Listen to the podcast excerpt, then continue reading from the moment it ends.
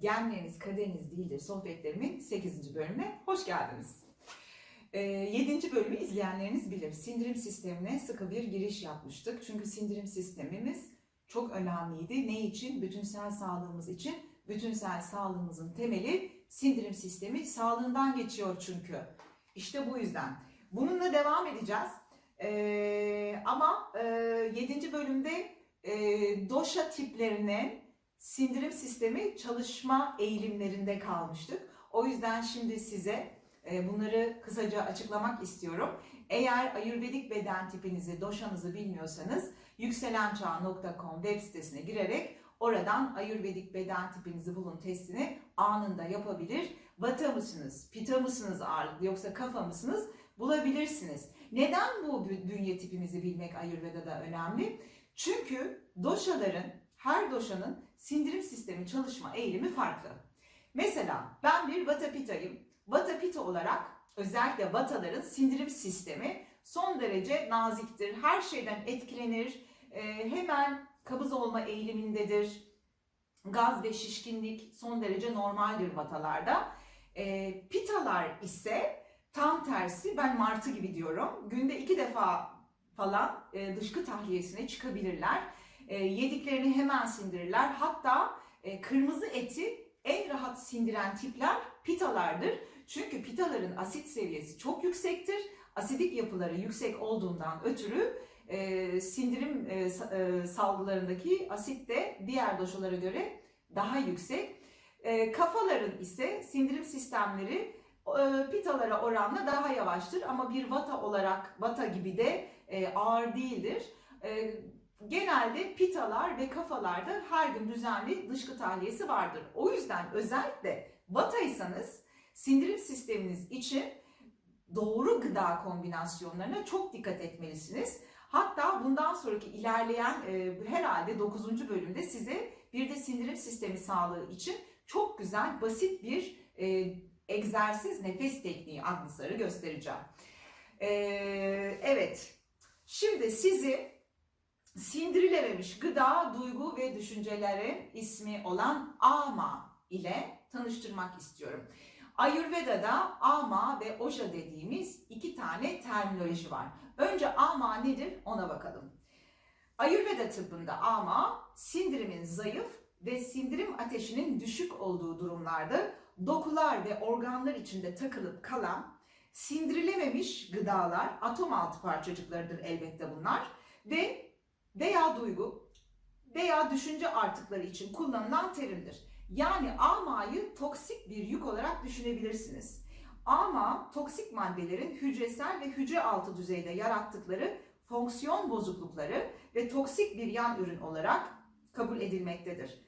Ee, batı tıbbında amanın tam bir karşılığı bulunmuyor. Ee, tortulaşmış, e, dokulardaki tortulaşmış, e, çamurlaşmış atom altı parçacıkları olarak bunu düşünebilirsiniz.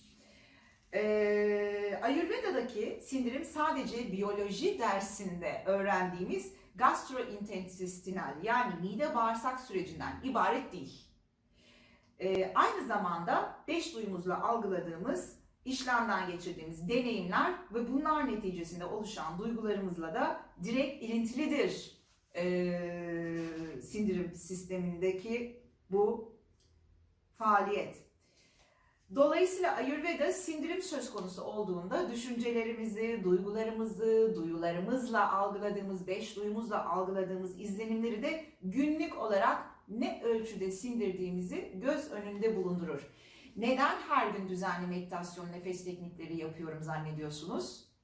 Çünkü belki doğru besleniyorum ama bazı e, olayları sindiremiyor olabilirim. Hayatımdaki bazı geçişleri tam olarak metabolize edemiyor olabilirim. Bazı anılarım, bazı olaylar aklımıza geldiğimizde e, otomatik olarak gözyaşlarınızın dökülmeye başladığını hiç deneyimlediniz mi? Eğer deneyimlediyseniz ne demek istediğimi çok iyi anlıyor olabilirsiniz. Bunlar bilinçaltımızda bizi bloka eden sindirilememiş duygu ve düşüncelerimizdir. Ve evet kesinlikle sindirim sistemiyle de direkt ilintilidir. Peki e, bedenimizde bu ama dediğimiz sindirilememiş atom altı parçacıkları birikmeye başladığında bunu nasıl hissedersiniz? Şimdi size bunları sayacağım.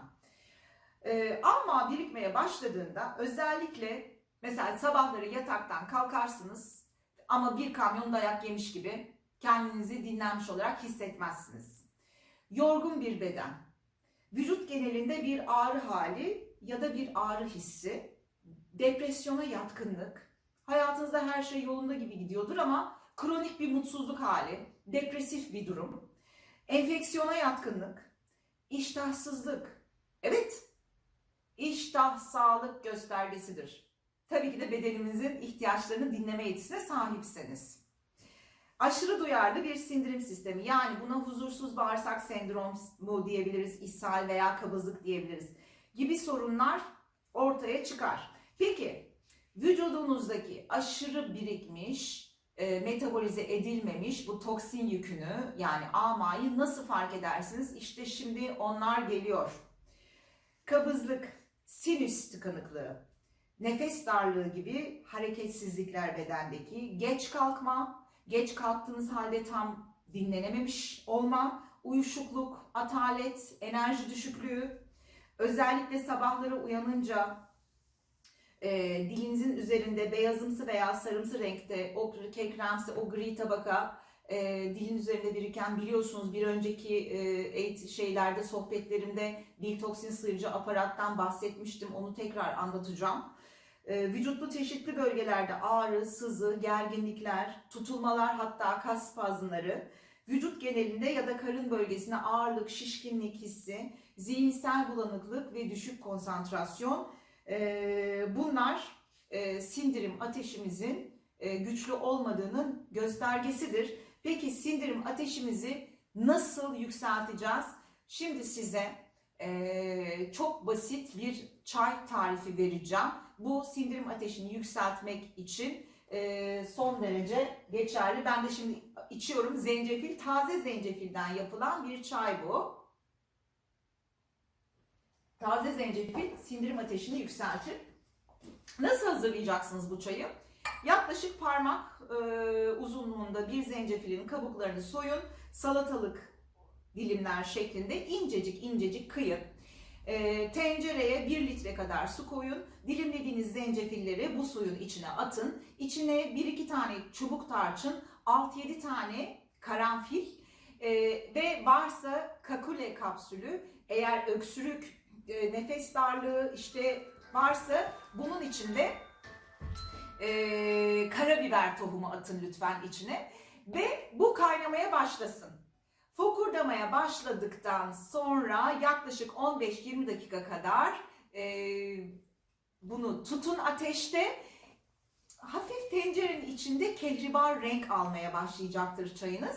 15-20 dakika fokurdadıktan sonra ateşin altını kapayın. Zencefil çayınız içime hazırdır. Tabii ki de bir litreyi bir günde bitirmeniz mümkün değil. Bütün ailece bunun keyfini çıkarın. Akşamları da içebilirsiniz. Bu zencefil çayı e, sindirim sisteminizi rahatlattığı gibi e, sindirim sistemindeki işte e, metabolize edilen yiyecekleri desteklediği gibi aynı zamanda gribe karşı bir bariyer oluşturur, nezleye karşı bir bariyer oluşturur, bağışıklık sisteminizi güçlendirir, sinüsleri açar, solunum rahatsızlıkları varsa e, solunum fizyolojisine de çok iyi gelir. Özellikle ben e, Kasım itibariyle başlayıp Mart sonuna kadar her gün en azından bir fincan bu taze zencefil çayından içiyorum. E, siz de afiyetle için, şifa olsun, hazırlanın e, ve zencefil çayımızı hemen yapalım.